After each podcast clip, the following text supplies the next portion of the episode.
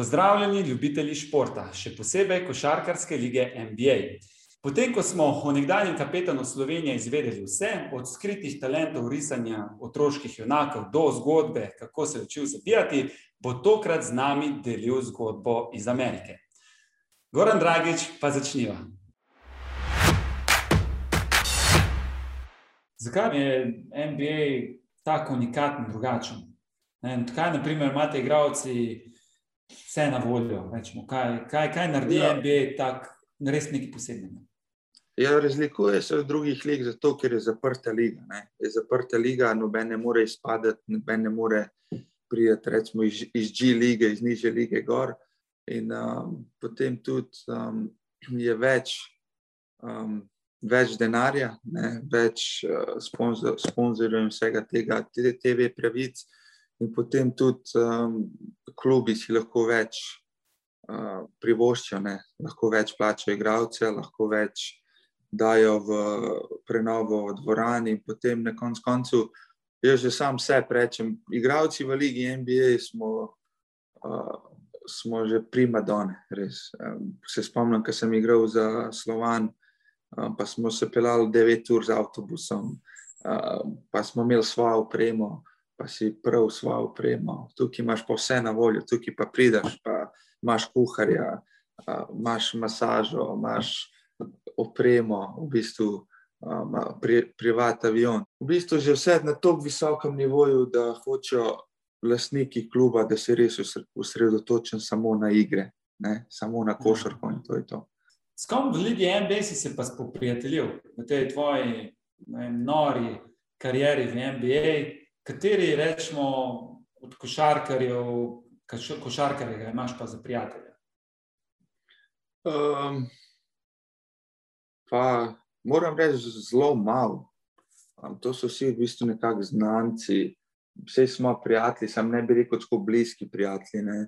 Um, tisto najbolj res prijatelj, prijatelj je Bogdan, um, Bogdan Bogdanovič, Nikola Vučevič, Beno Udrih, Rašo Nesterovič, um, um, potem Jimmy Butler, Judanas Hezlan to so te, v bistvu, kako bi rekel, res prijatelji.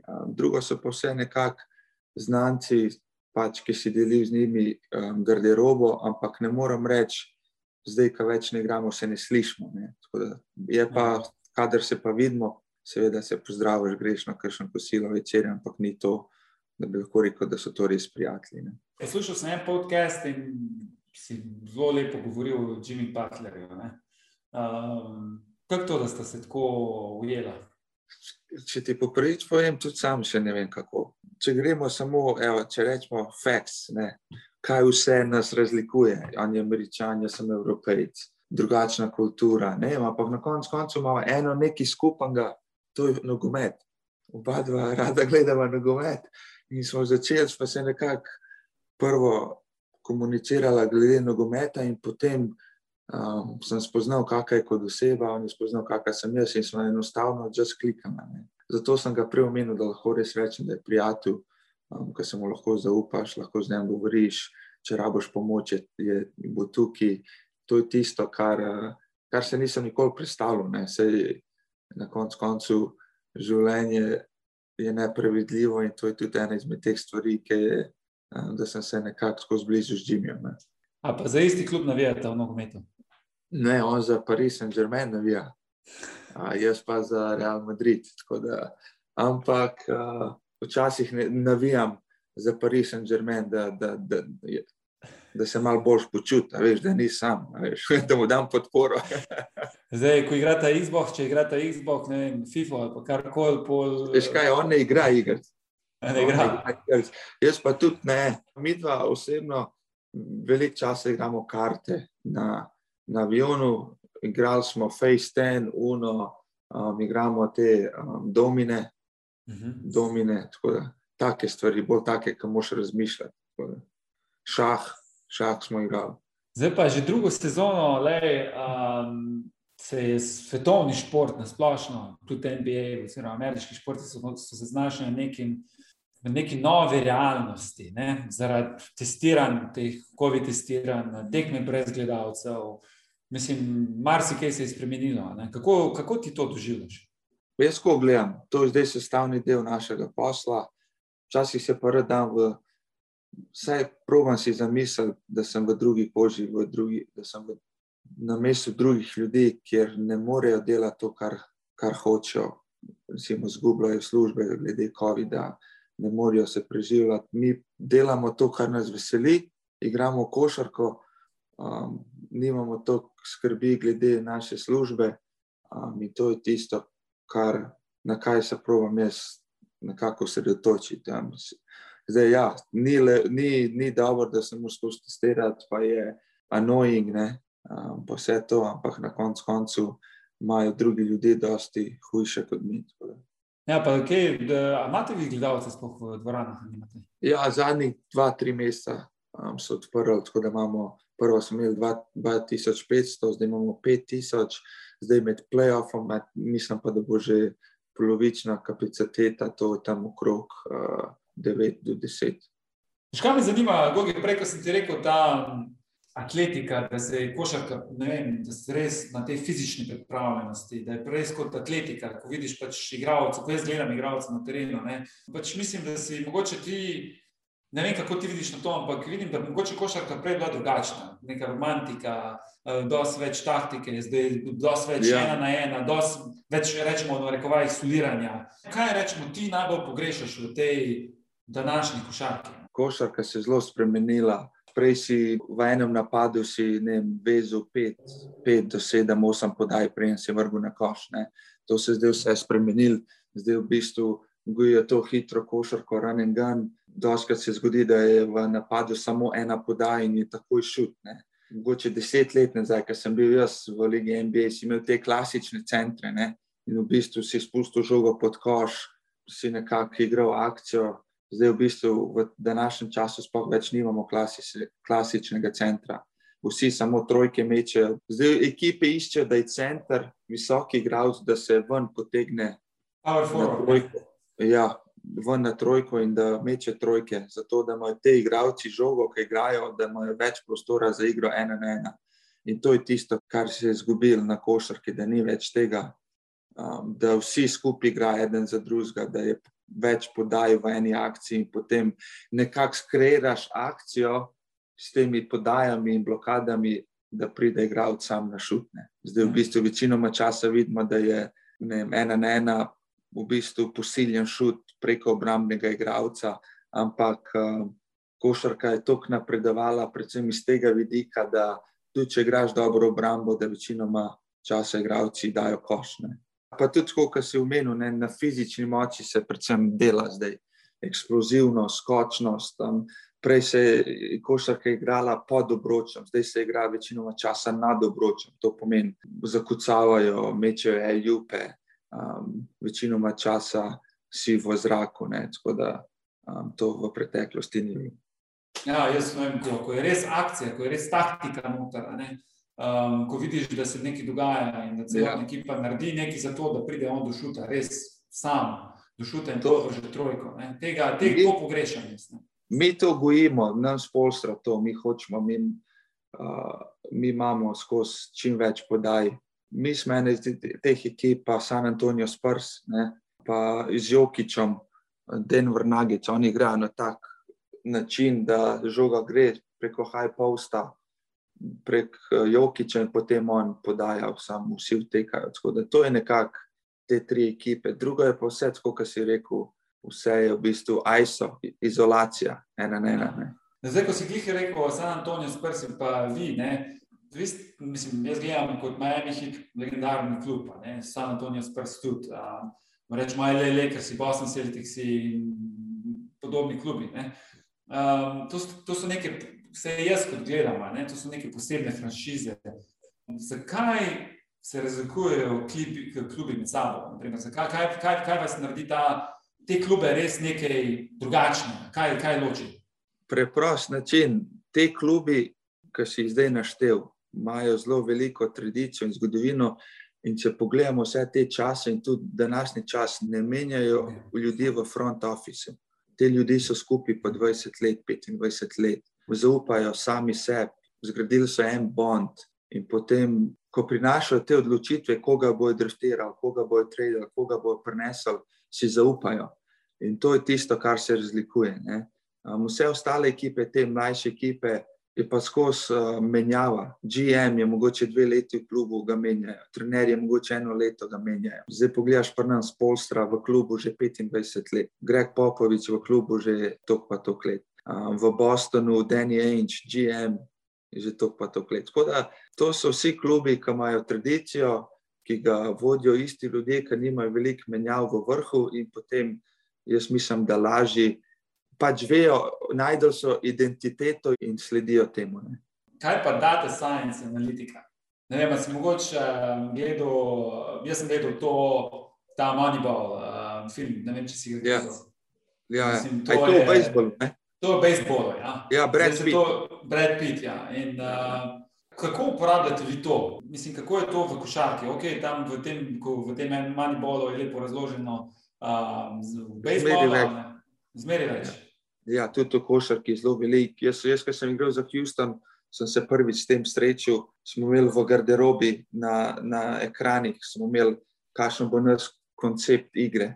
In če gledaš, oni so rekli, trojka, na splošno trojka, šutiraš 41% vse ekipe, to pomeni procent. Mid-range, to pomeni dvojka, šutiraš je low je low 30s, to pomeni 33%. In zdaj so oni na analitiki prišli s tem, da če ti šutneš, rečemo, šest šutov, ne, rečemo, štiri šuti mid-range, procent je kaj, 33, rečemo, da je 50, ajde.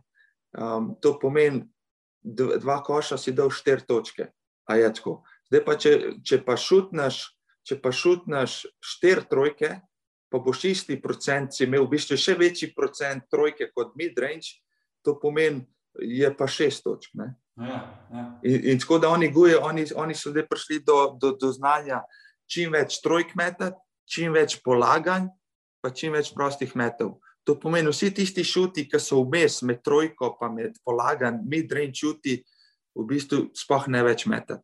To so zdaj ti analitiki, ki so prišli s temi. Uh, to je ena izmed teh takih, ki mogoče tudi zato malo ubije košarko. Ne. Ja. Zato se je tudi košarka tako spremenila. Zato, recimo, jaz, ki sem igral za Phoenix Sunse v 2008-2010, takrat smo mi bili smatrani run and gun team, to pomeni, da igramo hiter. In takrat smo mi poprečno vrgli 18 trojk na tekmo, smo bili številka ena v asociaciji, največ trojk smo vrgli. Zdaj pa, če priješ v ta čas, pa ekipe vržejo 45 do 50 trojk na tekmo. In zdaj vidiš, kako se je to spremenilo. Samo v zadnjih, zadnjih desetih letih.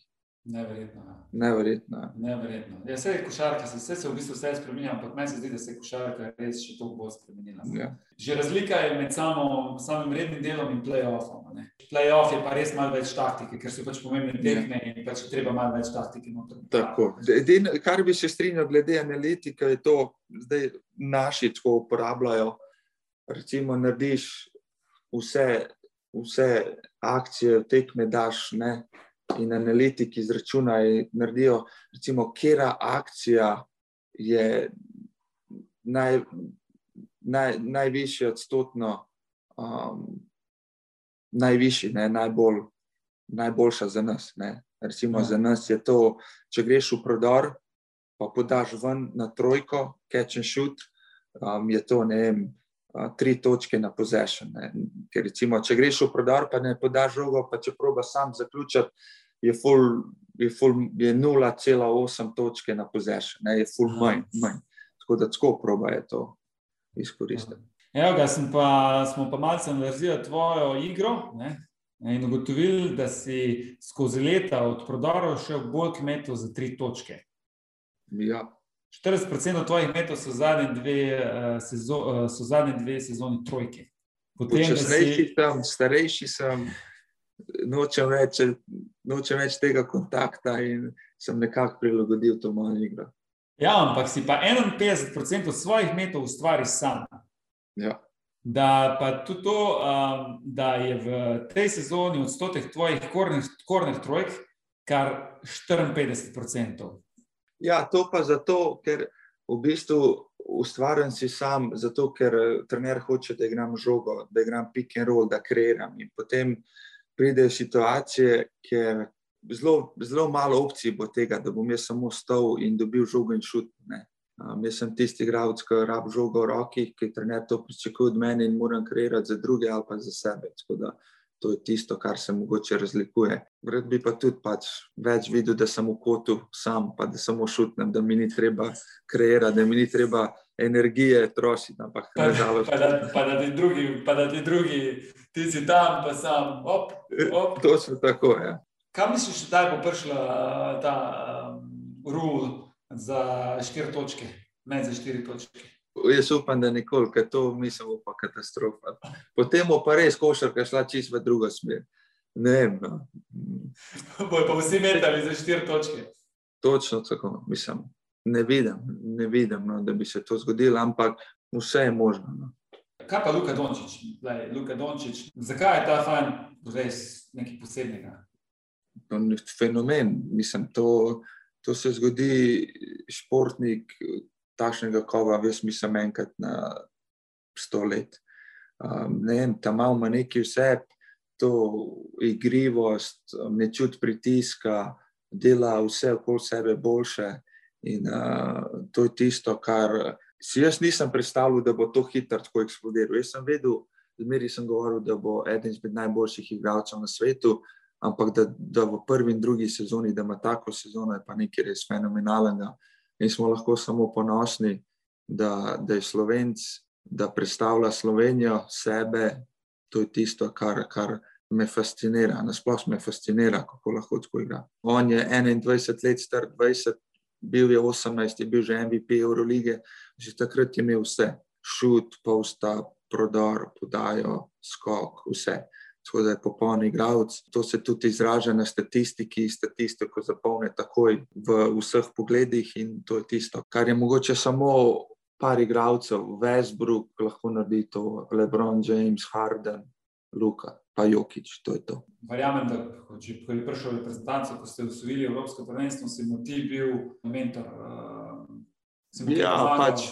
Ja, jaz skupaj smo bila v sobi, zelo veliko smo se pogovarjali, sprašovali me, kako je v Ligi NBA. To je bila njegova želja. Vedela smo, da bo šel Cat, tako da sem mu nekako probil razložiti, pričarati stvari. Pač takrat, ko smo bili reprezentanci, to je mož vedeti, da je še zmeraj otrok, še zmeraj igriv, kot smo mi bili. Tako da sem mogel včasih malo spustiti žogo, hej, Luka, um, zdaj pa da je malo počitka, jutri imamo finale, jutri imamo polfinale, da je to zelo pomembno. Tako da ne ki ga pa daš na, na, na igrišče, pa kaj tekma, je pa čarovnik.